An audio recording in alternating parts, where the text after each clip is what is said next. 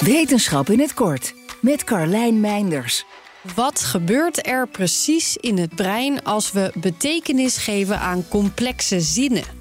Daar hopen onderzoekers al heel lang het antwoord op te vinden, zodat mensen die problemen hebben met lezen, zoals bij dyslexie, mogelijk beter geholpen kunnen worden.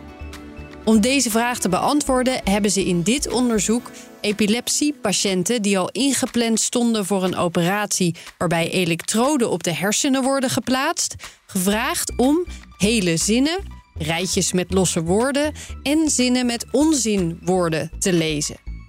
Vervolgens keken ze wat ze aan activiteit in de hersenen konden zien. Bij het lezen van normale zinnen zagen ze twee netwerken actief worden. In één netwerk gingen er seintjes van de voorhoofdskwap naar de slaapkwap.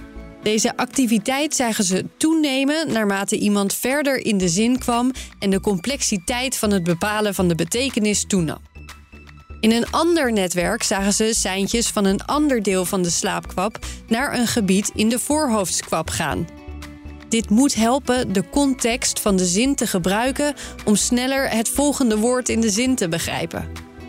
Al deze processen gaan ongelooflijk snel en alles wat we erover leren kan belangrijk zijn.